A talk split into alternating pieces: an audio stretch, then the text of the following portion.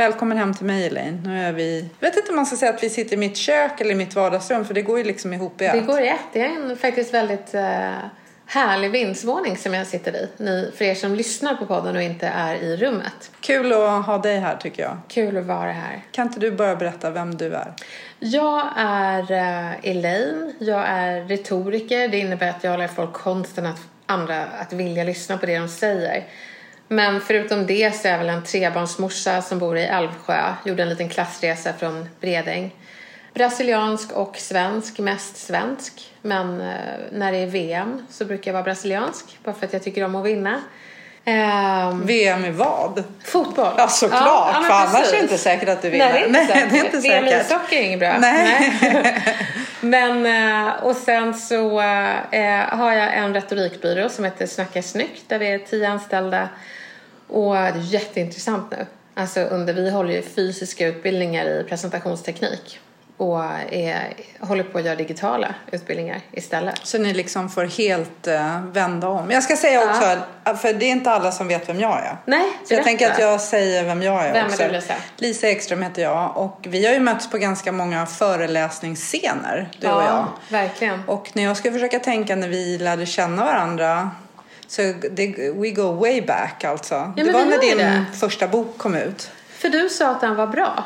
Ja, jag Och skrev så, till dig ja. efteråt. Men, men Lisa Ekström, jag driver Kamoja som är ett företag som uh, jobbar mycket med som organisationskonsult. Hjälper mm. företag att jobba mer strukturerat efter bra processer som man också implementerar. Jobbar mycket med kulturfrågor både i mindre grupper men i större grupper. Och så står jag på scen och pratar både om ledarskap, om självledarskap och hur man leder mm. till självledarskap. Och Lisa har ju hjälpt oss väldigt mycket på att snacka snyggt. En av de mest imponerande grejerna som jag har hört dig eh, göra det var när du frågade dina anställda vilken sorts chef de önskade att du var. Fick de sätta upp post-it-lappar? Mm. Du kanske redan har berättat det i podden? Nej, det har jag inte. Nej. Och, eh, och eh, då fick de berätta vad de ville ha för chef. Och då så sa det, jag ser era behov. Här är några lappar jag måste ta bort för det kommer inte gå. Men det här kan jag ställa upp på. Mm. Så jäkla bra. Sen vände jag faktiskt frågan och så ställde jag frågan till dem att det är vad ni kan förvänta er av mig. Vad tycker ni att jag kan förvänta mig av er? För jag tycker generellt sett oavsett om det är en chefsrelation eller så förväntar man sig ganska mycket av andra och så glömmer man lite bort att man också ska prestera någonting själv. Ja, men jag tycker att när man bäddar upp det på det där sättet så bäddar man ju också för att ge tillbaka. Mm. Så jag blev inspirerad av dig i år faktiskt jag kallade alla mina anställda till vd-samtalet. Det lät ju väldigt skräckinjagande. Men det var det inte, utan jag skrev det att jag vill veta vad ni tycker att jag gjorde 2019 som ni skulle vilja att jag slutar med 2020. Mm. Så. Och det ledde till att jag kunde berätta för dem Precis. vad jag skulle vilja. Också. Det blir mer okej okay att man berättar. Alltså det blir ja. ju en dialog någonstans. Det här har jag faktiskt gjort med mina barn. Har du? Och jag har gjort det... Ja, Åh, vad smart. Ja. Det måste jag med mina barn också. Jag har ju två som är 27 mm. och sen har jag en som är 17. Eh, och jag har gjort det, jag har frågat sådär, vad tycker du att jag är bra på som förälder och vad tycker du att jag är mindre bra på? Och sen i perioder har det varit lite olika. Mm. Eh, men jag vet att någon gång så frågade jag och då så sa en av killarna så här att jag tycker du tjatar för mycket om läxor. Mm. Och då är ju det lite som att ja, men jag kan stå ut med det. För som förälder så kanske jag behöver tjata på läxor. Jag kanske kan tjata på ett annat sätt eller säga det på ett annat mm. sätt så att det inte landar som tjat. Men det kanske ändå är lite min roll mm. och då är det okej. Okay. Gud, det borde, jag borde ta mammasamtalet med mina barn. Alltså fråga, vad, vad gjorde jag nu har inte han det tidsperspektivet, men vad skulle du vilja att jag slutar med? Vad ska jag börja mm. med? Vad tycker du att jag är bra på? Vad tycker du att jag är mindre bra på? Ja, precis. Jag frågar faktiskt mina eh, barn här, det är inte alls länge sedan, kanske fyra, fem veckor sedan kanske, så frågar jag vad tycker ni att jag är bra på som förälder? Och eh, då sa Fredrik, en, en av mina stora killar, han log lite så här så sa han Is this a trick question? Mm. Och jag bara nej nej nej, du kan svara precis det du tänker liksom. Mm. Och då var barnen ganska eniga om att ja, men om, det är, om jag har ett problem, vad det problemet än är, då kan jag ringa till dig och så vet jag att du hjälper mig.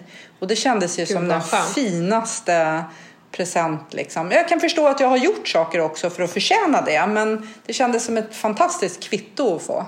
Ja, det vill man ju. Jag har önskat, nu är mina barn så små. Men när de är tonåringar och kanske är superfulla, att de vågar ringa. Ja, ring. Ja. Det är till mig du ska ringa liksom. Så, Sa du det till dina barn? ja. Att om du är, det spelar ingen roll hur pruttfull du är.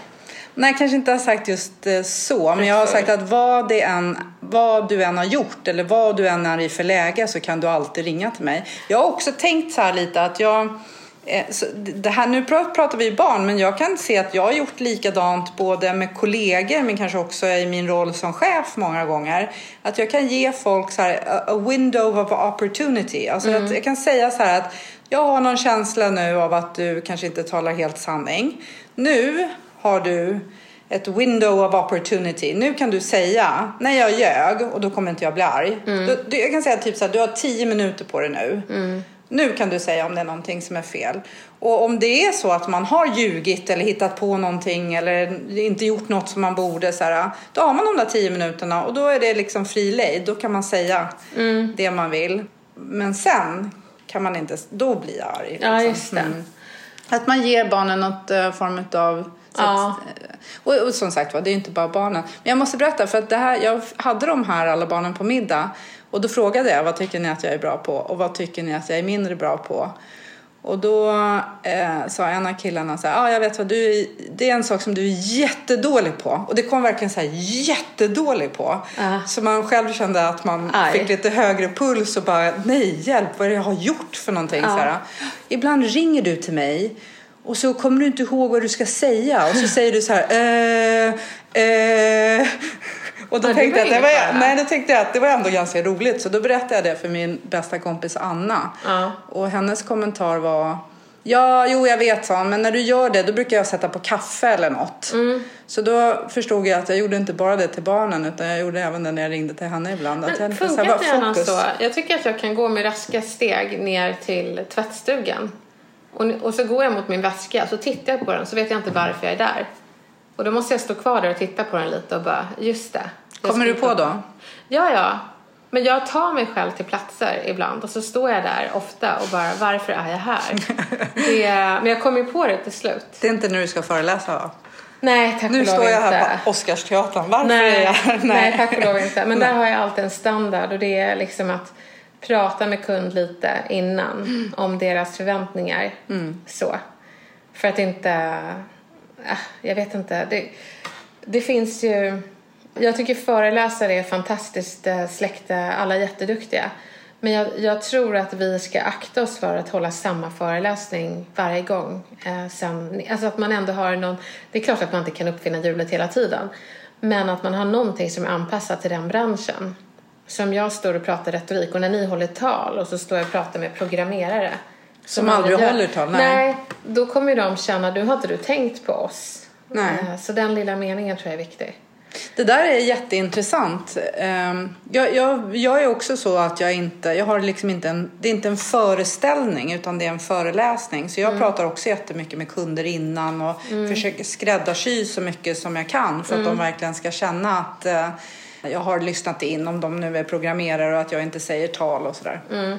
Men ibland så kan jag uppleva att de vill, alltså jag kan känna att det finns historier som jag har berättat Ah. i flera år som jag inte tycker är så roliga att berätta längre men som publiken vill höra. Ja. Och de vill höra den igen. Ja. Och då kan man nästan se sådär, ibland så kan jag känna att jag kan inte dra den här storyn en gång till. Den här, det är flera i publiken som har varit och lyssnat tidigare. Men man kan också se hur de blir så här, de nästan puttar på sin kollega och bara nu, nu, kommer den, nu kommer den. Ja, och så får de äga det lite. Jag vet, eh, men det var ett tag som jag eh, kanske hade lite för mycket skämt. Och till slut så fick jag nästan, de ville bara att jag skulle vara rolig. Ja men ha lite så här roligt, lite inspiration, lite kul. Och jag men jag är ju retoriker. Men det, de ja. Det, det var så illa så att jag blev bokad till ett stand-up, har jag berättat det? Nej. Gustav bokade mig till Stand Up Helsingborg. Jag förstod ju inte det. Så jag trodde att det var så här, men gud. ska jag stå är så... upp för Ja, vi ska staden. stå upp för Helsingborg och jag är inkvoterad stockholmare. Alltså det är sån ära. Så med den känslan satt jag. Tills moderatorn sitter, ställer sig på scen och vi andra sitter där. Jag med tre komiker, men det visste inte jag om. Och så säger moderatorn, nu ska vi ha roligt. Jag bara, jaha, ja. Det, det här är kul. Eh, vi har fyra komiker här. Förlåt alla som lyssnar och skåningar. Jag ska inte härma dialekt. Men vi har fyra komiker här, sa han, och det kommer bli jätteroligt. Jag bara, nej. Och jag räknade, en, två, tre. Är jag fyra? Alltså det var så hemskt. Så jag gick upp på scen och så sa jag det att, hörni, jag vill bara berätta att det här kommer inte bli roligt. Och då började folk skratta. Tills de insåg att, jaha, nej men det skulle nog inte Nej. vara roligt. Eh, så det blev retorik istället. Väldigt torrt i sammanhanget men. Men ändå kanske bra. Ja, men det jobbiga är att kunden tyckte, ja men du är ju rolig. Och då försökte jag förklara för henne att ja, vi föreläsare är roliga i vårt sammanhang.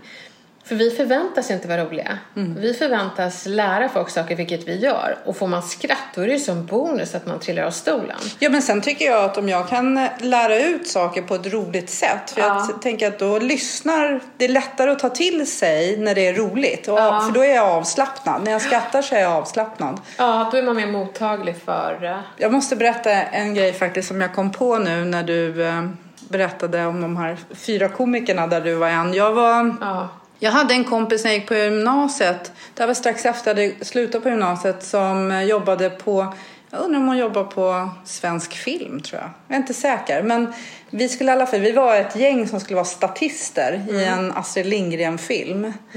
Eh, Min allra käraste syster. ja, den kommer jag ihåg när jag var liten. jag är med i den. Wow! Jag? Vänta. ja, jag säger ingenting. Jag, eh, Från 80-talet? Ja, absolut. Det måste, ju- den kan nog inspelats här 87. Jag Men vänta typ nu. 20. Var du 20 då? Mm, jag är född men vänta, 67. Men vänta nu. Det är Eh, kort snutt. Jag tror att om du, när man men det är köpte syster den. som dör va? Nej, utan det är, eh, de, det är tvillingtjejer som spelar. Men hon har en låtsassyster. Precis, som hon jag kommer ihåg dimmor och... Ja, de rider. Jag, jag är med i den här skogen. Då är man de rider genom en skog och där är det nog onda människor. Det, det syns ju inte, då är vi liksom övertäckta. Sådär. Men sen Ja. så kommer de, till, kommer de till det goda folket. Och då hade vi blomsterkransar i håret. Alla hade långt hår. Jag hade jättelångt blont hår. Ja. Och så hade vi så här, typ så vita fina klänningar på Ja, oss. jag kommer ihåg det för jag, min bästis Louise Isberg, alltså vi var ju sju år, hon hade den på en rullkassett, Ja. videoband och hade alltid, drog på den filmen. Du- Men nu är jag här med, nu är jag starstruck. Ja, Vem var så- du? Jag måste berätta för att vi satt där då allihopa och vi var ju alla möjliga åldrar. Det var ju allt från en jättegammal kvinna med långt grått hår. Alla hade långt blont hår på något sätt. Eh, och så den här regissören bara, ja och dansarna kan komma fram. Och jag och min kompis Sussi, vi bara, dansarna, det ska vara dansare med. Sådär. Men det var ingen som reste sig. Så bara, dansarna ska vara med. Gud, Nej, det var fortfarande roligt. ingen som reste sig. Då så sa han så här, Susanne Grundén och Lisa Ekström. och vi bara, shit, vi höll ju på med gymnastik.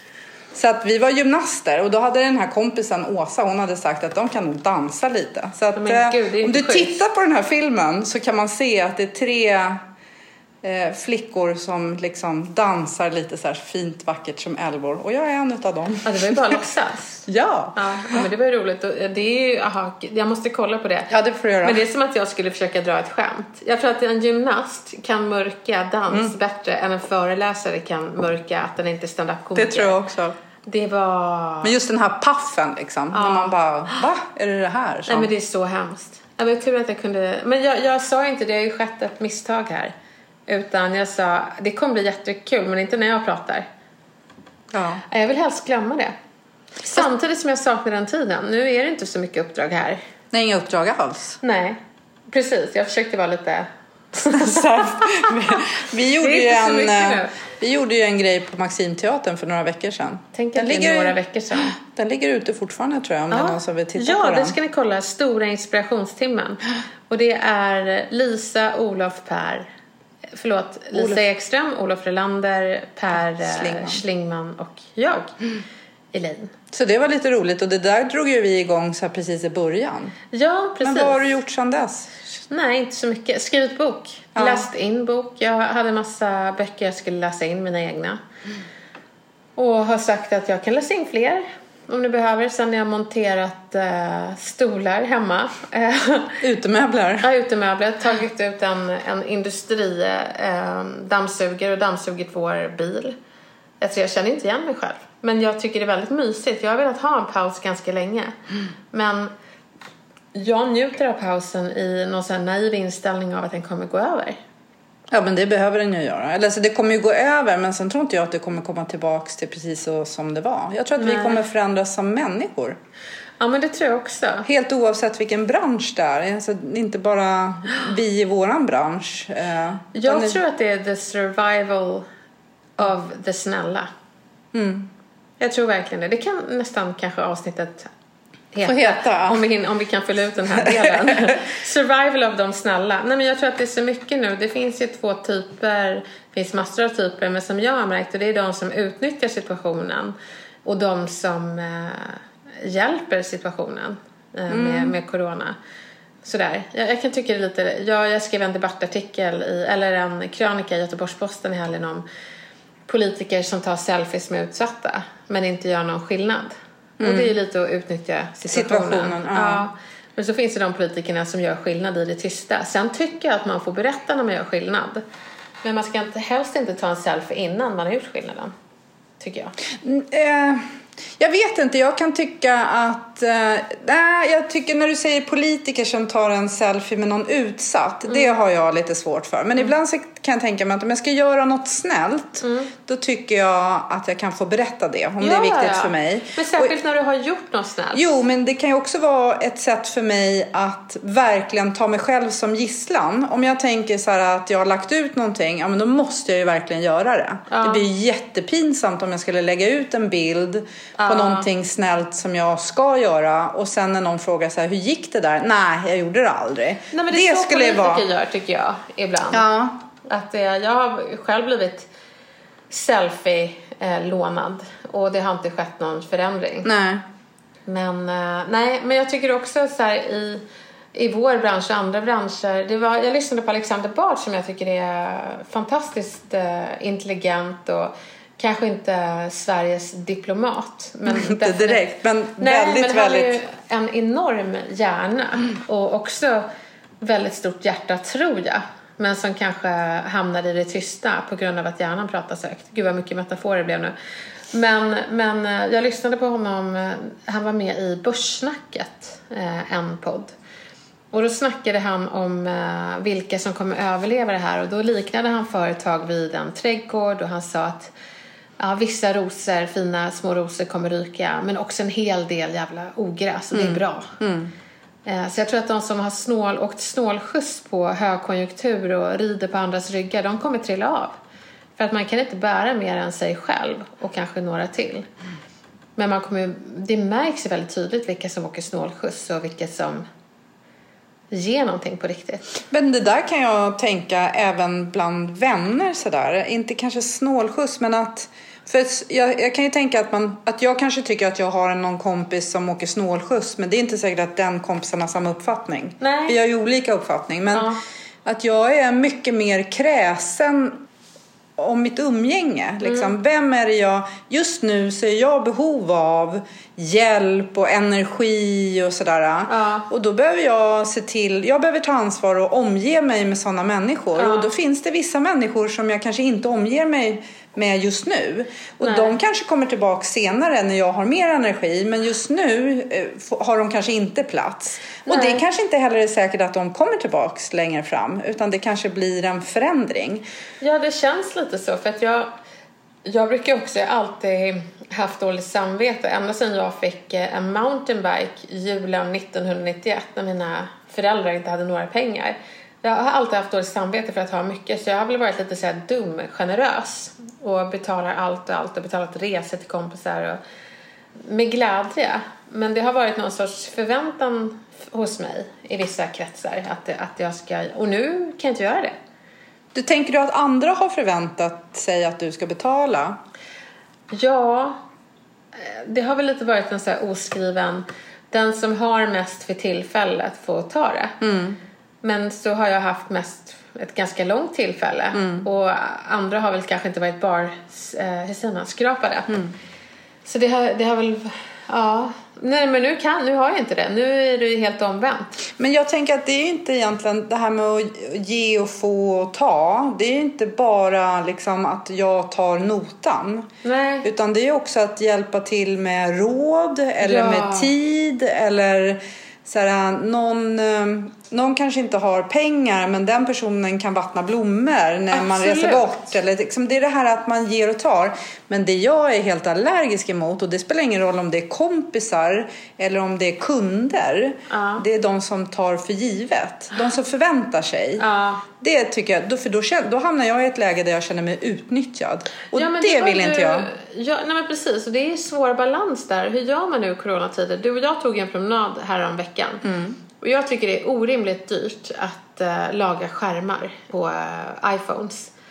Och jag har varit på ett ställe där jag har betalat 5000 spänn. Det är så roligt för att vi var in på ett ställe då. Du Ja. lämnade in din telefon men det, det, de bara tjena! Så att det kan ju inte vara första skärmen som har Nej, gått nej, sönder. nej. Jag är stammis där. Ja. Och jag inser ju efter alldeles för många gånger att jag har ju köpt kanske fyra iPhone, nya iPhones genom att laga de här jävla skärmarna. Ursäkta att jag svär. Och då kom, det är ju det är ju mitt fel att jag inser det för sent. Men så kom jag in där och ska la- laga skärmen igen och är lite så här passivt aggressiv, inte så farligt men lite. Och så säger Var jag, det när jag var med? Ja. då var du väldigt lite passiv. Ja men vad bra. Men då sa jag det, för mig är passivt aggressiv i mitt läge det är att pruta. Så jag sa det, ja har ni coronapriser nu eller? Jag var lite för så här på. Och han säger, nej alltså vi kämpar som alla andra. Och då hamnade min svans mellan benen direkt. Jag bara oj, ja men det är klart, förlåt. Och då kändes det som att jag blev den här som utnyttjade situationen när jag egentligen behöver stötta ekonomin.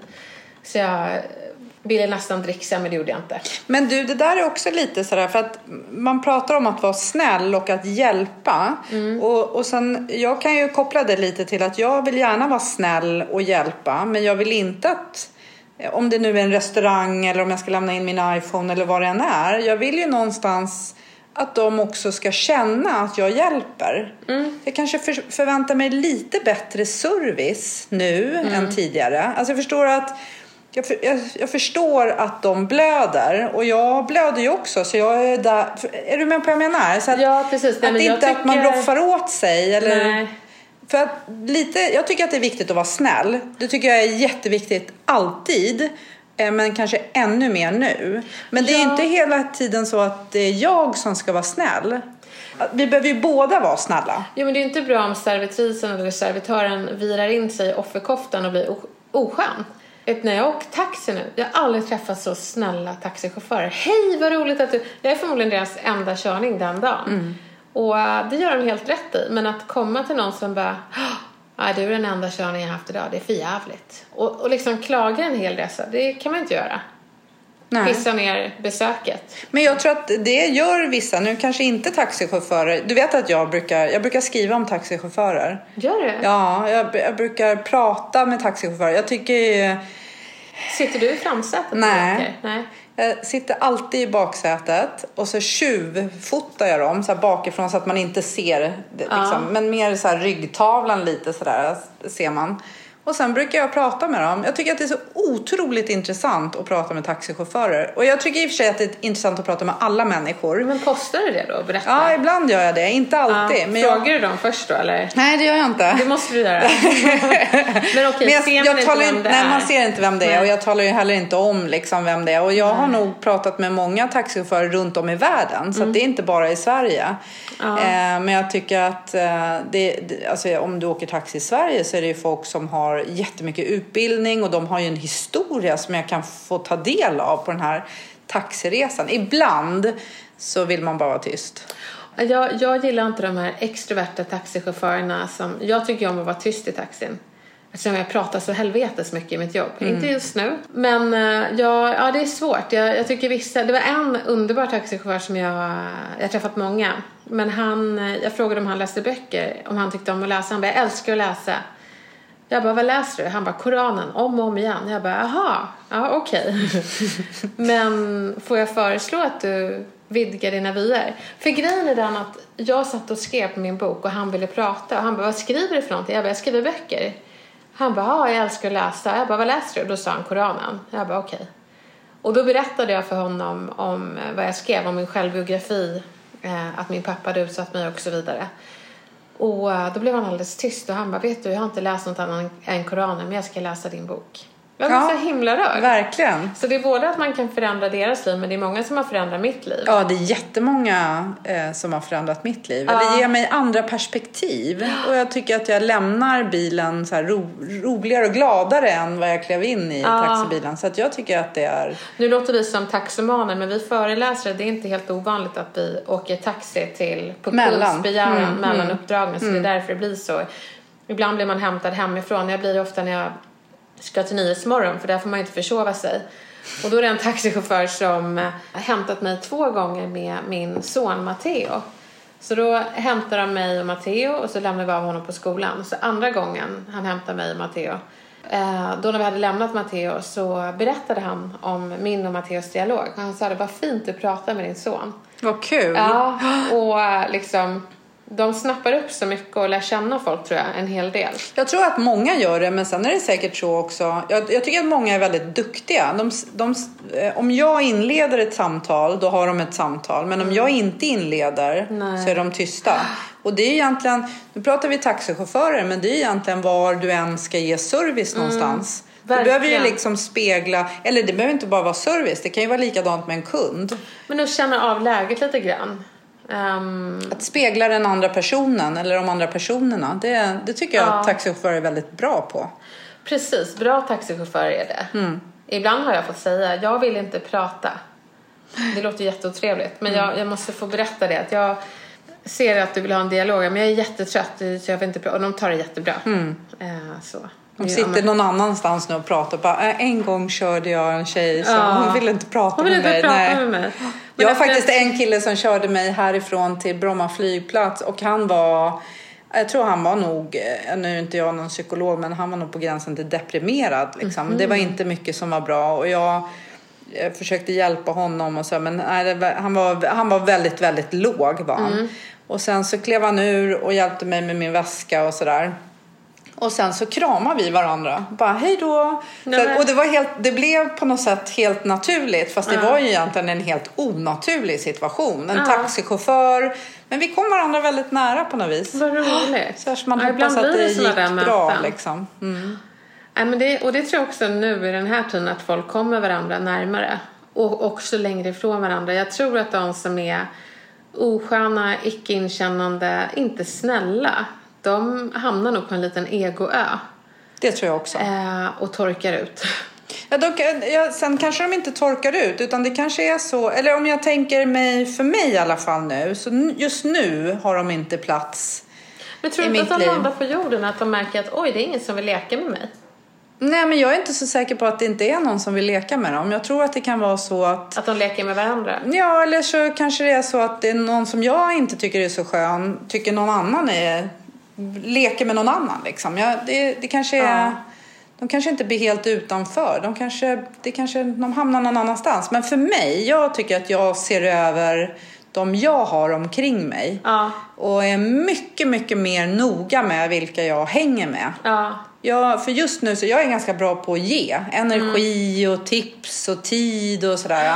Men just nu så känner jag att jag behöver vara i kontexter där jag också får. Så jag tänker att det är viktigt att vara snäll. För mig är det liksom en, en stark värdering att vara snäll och generös. ja. Men jag behöver också människor omkring mig som är snälla tillbaka. Mm. För det kan jag höra lite så här, ja men du måste vara snäll. Ja, du med. Ja. Förstår du? Så här, det, det är inte bara jag. Nej. Alltså, utan vi måste vara snälla. Så här, då är jag lite snäll och så är du lite snäll. Ja precis, jag tror det är farligt med den här attityden. Det är faktiskt synd om mig och jag har rätt att... Nej, du har inte rätt att vara dum. Utan du behöver vara snäll. Jag hoppas att jag är det. Jag, jag försöker vara det, men jag märker att jag inte heller vill vara med och leka alla gånger. Jag orkar inte sällskap där man ska vara trevlig. Alltså inte så här... Och då menar jag trevlig på ett så här stelt leende sätt. Då man bara, hej. Gud, förstår ni lyssnarna vad jag menar med det här? Jag förstår Gör. Ja, men då är jag lika gärna kan vara hundvakt åt en labrador och gå på en promenad. Det tycker jag är, är trevligt. Men jag vill kunna vara rolig och ha lite avslappnat sådär. Det behöver inte vara så uppstyrt och perfekt allting. Det är jättekul för att eh, du kom ju hit och då så tänkte jag till och med så här, nu är Elaine nog hungrig men jag Ja. hade ingen mat hemma. så Nej. vi började med att gå och handla mat och sen Ja. fick du själv husera i mitt kök. Och det tycker du- jag är så skönt. Ja, jag tyckte också att det var jag, jag skulle bli jätteskönt. mer nervös om du hade bara så här, här har jag gjort lunch. Och eh, det är eh, buff de bourgogne. Jag kan inte ens säga sådana här eh, meningar. Med en liten kompott av. Då blir jag jättenervös. Men sen så är det fantastiskt när folk är duktiga på att laga mat och sådär. Men när man är så perfekt och man inte tillåter folk vara operfekta. Det är väl eh, den som jag tycker är jobbig. Jag, jag, jag gillar folk som kan skratta åt sig själva. Har man en självdistans, det tror jag är sunt. För är man självuppfylld av sitt ego så tror inte jag att man kan skratta åt sig själv för att jag är ingen rolig, jag är en uh, övermäktig. Men tror du att det där är skillnad nu när vi lite mer är i kris än när man inte är i kris? Är det lättare att ha självdistans när man inte är i kris? Jag tror att vi som uh, har självdistans uh, har det ännu mer. Alltså som sen Mia Törnblom ringde Hej, kan du vara med i en podd? Och så säger man, jag ska kolla om jag har en lucka. Ja, det är tomt. Alltså så här, att man bjussar på det. Och just den här mänskligheten är väldigt skönt. Att ja, pengar rullar inte in som det ska. Nej. Det går inte bra. Nej. Och det, det, den tycker jag är ganska skönt att vi alla blottar halsen. Men då när vi blottar halsen tillsammans, som när du, jag, Olof och Per satt här i ditt vardagsrum och pratade. Så är det viktigt att inte någon i sällskapet hugger den i halsen och bara Fast jag är fullbokad hela året och jag eller jag, jag har så mycket nu. Vadå? Mm. Nej, pengar rullar in. Alltså så här, det är jättekul för dig om du är fullbokad, om du är, är det hela året och allting går så jäkla bra. Men ha lite timing för när du säger det. Det är ungefär som att någon precis har skilt sig och de liksom hade noll sexliv. Då ska man inte bara, men gud vad tråkigt. Jag och min man vi pippar tre gånger om dagen. Precis. Man blir bara, då blir man så här, men nu tycker jag att du kan hålla tyst liksom. Man lyfter ju inte andra då utan då trycker man ju ner andra istället och det är, ja. och det är oskönt. Och de och det... kan gärna hamna på en egen ö tänker jag, de som gör ja, men på det sättet. att man inte har timing för det. Sen så tror jag att man misstar sig själv för att vara avundsjuk. När någon skryter om någonting, när det egentligen handlar om att du skryter vid fel timing jag blev inspirerad av, av framgång och, och sådär. Jag var singel jättemånga år innan jag träffade Gustav och tyckte det var härligt med de som var tillsammans med sina drömkärlekar. Men jag ville gärna veta tipsen och hur man gör och så. Mm. Du postade ett inlägg där du hade betalat en eh, p-bot åt någon. Nej, en parkering bara, för, så att det inte blev en p-bot. Ja, just det. Så en parkering, mm. så jäkla bra. Alltså, och då, det var samma vecka då jag hade fått två parkeringsböter. Så att för mig var det bara så här, wow. Eh, så jag delade ju det i mina sociala medier, fick ju tusentals likes. Men så fanns det de små som var så här, varför berättar hon det här för? Och jag vill bara poängtera att det är inte samma sak som politiker som säger och är i ett sammanhang där de tar en selfie men inte gör någonting. Utan man gör någonting och så visar man det för att inspirera andra att vara lika snälla. Har du gjort något snällt den här veckan? Har Jag gjort något snällt den här veckan. Ja, vet du vad? Idag gjorde jag faktiskt något snällt. För då var jag ner på Coop här som ligger bara runt hörnet från mig och handlade. Och, eh, och så betalade jag och så hade jag med mig en plastpåse. Jag försöker alltid ta med mig egna påsar ner för jag har jättemycket plastpåsar men jag glömmer ofta så mm. köper jag nya påsar. Men jag hade en egen som jag liksom höll på att plocka fram ur fickan så här. Och då stod det en kille bakom mig som hade köpt, han hade köpt typ någon så här Dime eller någon Bounty eller något sånt där och en dricka. Och så funkade inte hans kort. Mm. Eh, och eh, han blev lite generad liksom. Han tyckte det var lite jobbigt. Eh, och skulle försöka förklara, han pratar engelska, han skulle försöka förklara för den här killen i kassan att nej, mitt kort funkar inte. Så då sa jag så här, jag kan betala åt dig. Och han bara, eh, nej, nej. Så här, jo men jag kan betala. Så kan du betala något annat åt någon annan. Det handlade om kanske 25 kronor liksom. Det var ingen eh, jättedyr grej. Men han blev jätteglad, supertacksam. Dessutom så tror jag att det speglade av sig både hos han som satt i kassan men alla andra i kön. Åh, vad härligt. Så att, eh, jag tycker att jag gör sådana där saker ganska så ofta. Och jag gör dem jättemycket för andras skull men också jättemycket för min egen skull. Ja, och inte det helt okej? Okay?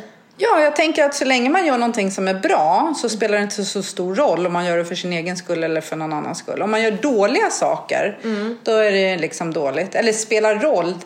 Men äh, att vara snäll och generös mot andra, det gör mig glad. Mm. Och äh, om jag är glad så påverkar ju det arbetsmiljön där ja, jag jobbar. Gud, liksom, ja, och miljön kring dig som vän och ja. familj och mamma.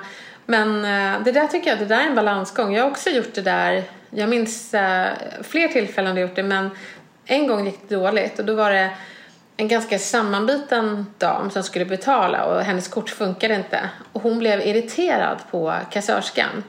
Men jag insåg att den här personen har inte pengar på sitt kort men nu lägger hon ut det på den här kassörskan. Så jag frågade, men jag kan betala. Hon bara, kan du inte alls? Alltså hon blev förnedrad av att jag frågade henne. Jag bara, oj, det här är en delikat grej att hjälpa någon att betala.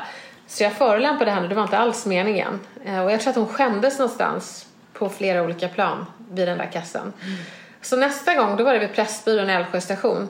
Det var en äldre dam och jag har läst mycket om fattigdom kring pensionärer. Hon skulle köpa en kaffe på Pressbyrån och hon vet, samlade kronor och 50-öringar och hade sig. Och det var verkligen så här, eh, hon höll sig för huvudet för att hon, hur hon skulle få ihop till den här kaffen. Och då var jag lite mer finkänslig och frågade, får jag bara fråga, får jag, får jag betala för din kaffe? Och hon tittade och blev alldeles tårögd så jag insåg att det här var ju värsta lättnaden för henne. Och hon sa tack snälla och då betalade jag för hennes kaffe. Så, och då var det lite folk där så vi gick, jag viskade liksom. Sen så gick vi ut ur Pressbyrån och så frågade jag henne eh, jag har läst lite att ni äldre helt orättvist kämpar. Eh, så jag, skulle jag kunna få stötta dig lite? Säg till om jag förolämpar, det är inte meningen, men om det går bra. Eh, och det ska du inte behöva göra. Men så gick vi till bankomaten och tog, upp, tog ut några hundralappar. Eh, det är jättefint. Ja, men det kändes väldigt skönt. Och då kan man undra, skryter jag nu?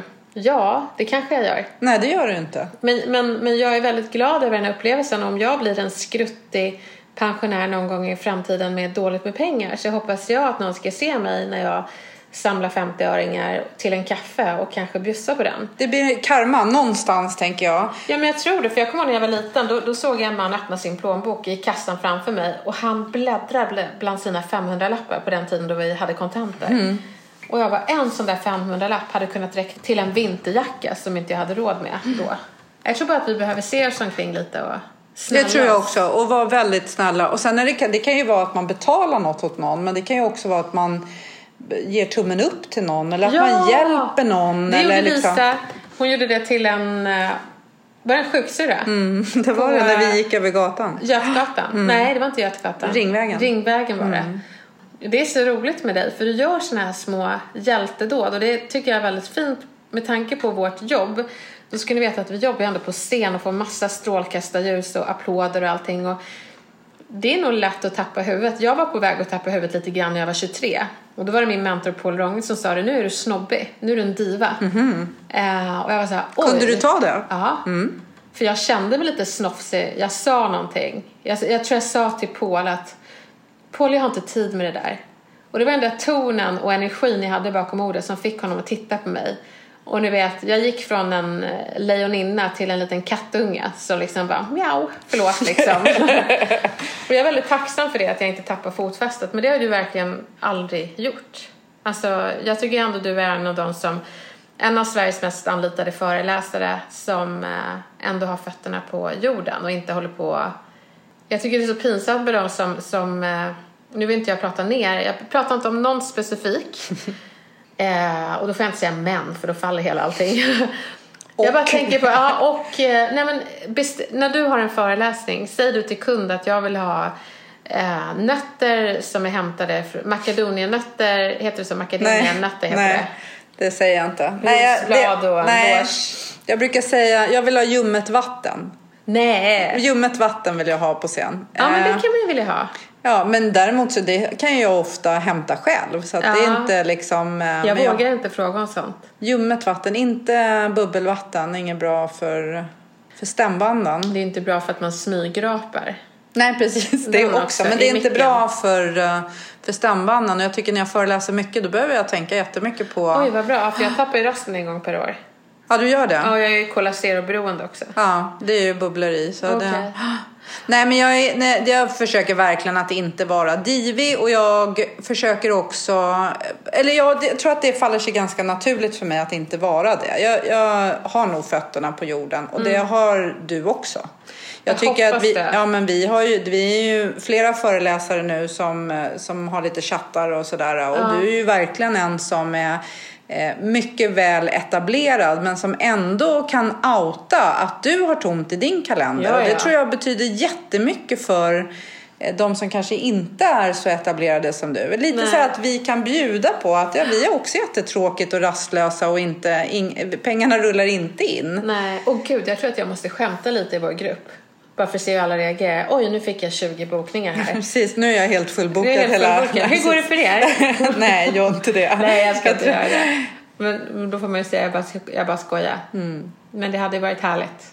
Nej men det gäller någonstans tycker jag, det är lite, den pratar jag mycket om i mina föreläsningar, att, att om gränsen mellan att vara stjärna, Mm. oavsett om det är för oss som föreläsare eller stjärna om man jobbar i kundservice eller på restaurang eller i sjukvården eller vad det än är. Man kan vara stjärna. Men Mm. gränsen mellan att vara stjärna och att vara diva, den Mm. är hårfin. Och det gäller ju någonstans att inte bli en diva. Eller i alla fall Nej. för mig. Det kanske är okej för andra men för, jag vill inte bli en diva. Nej, men jag tror när man tappar det lite grann. Eh, jag, jag tänker divor tappar tacksamheten. Och jag försöker varje gång jag kliver upp på scen och ser den här publiken. Då brukar jag tänka, tänk att jag får stå här och prata om mitt största intresse och jag får betalt för det och jag får applåder. Så att jag försöker hela tiden vara tacksam för det. Nu är jag mer tacksam än någonsin när det inte finns några uppdrag. Nej, och det här kanske är bra för att nu kanske man blir mer tacksam. Eh, ja, kanske jag har tror tagit... att det här är divornas fall. Ja, det kanske är så att många i många olika branscher har varit, eh, vi har tagit saker för mycket för givet. Och helt plötsligt så uppskattar vi ehm, saker mycket, mycket mer. Ja. Och, och det är inte så dumt att tänka igenom sådär, vad är det jag har som inte andra har, som, eh, Ja, när jag som jag ska så... vara tacksam för. Men okej, så att man ska inte vara en diva, men man får gärna vara en stjärna oavsett vad man är. Eh, Nej, men jag tänker också att vi ska lyfta andra. Om det nu är en sjuksköterska vi möter när vi går över Ringvägen eller vad det än är så kan vi faktiskt vi kan lyfta andra till att bli stjärnor. Då är man stjärna själv. Ja, man får ha lite känsla, men det är inte helt lätt. Jag tror att så här, för er som lyssnar, att omge er med ärliga människor. En som vågar säga, nu är du diva. Eller nu, nu är du härlig. Och vara en sån själv tänker jag, men ha timing. Verkligen. Inspirera folk med din snällhet och, och framgång. Mm. Eh, men, men liksom, kanske inte när personen ligger på botten. Nej. Jag tänker att vi avslutar där. Det var Ja, ganska det var bra slut. Ja. Tack, Tack snälla. snälla. Hej.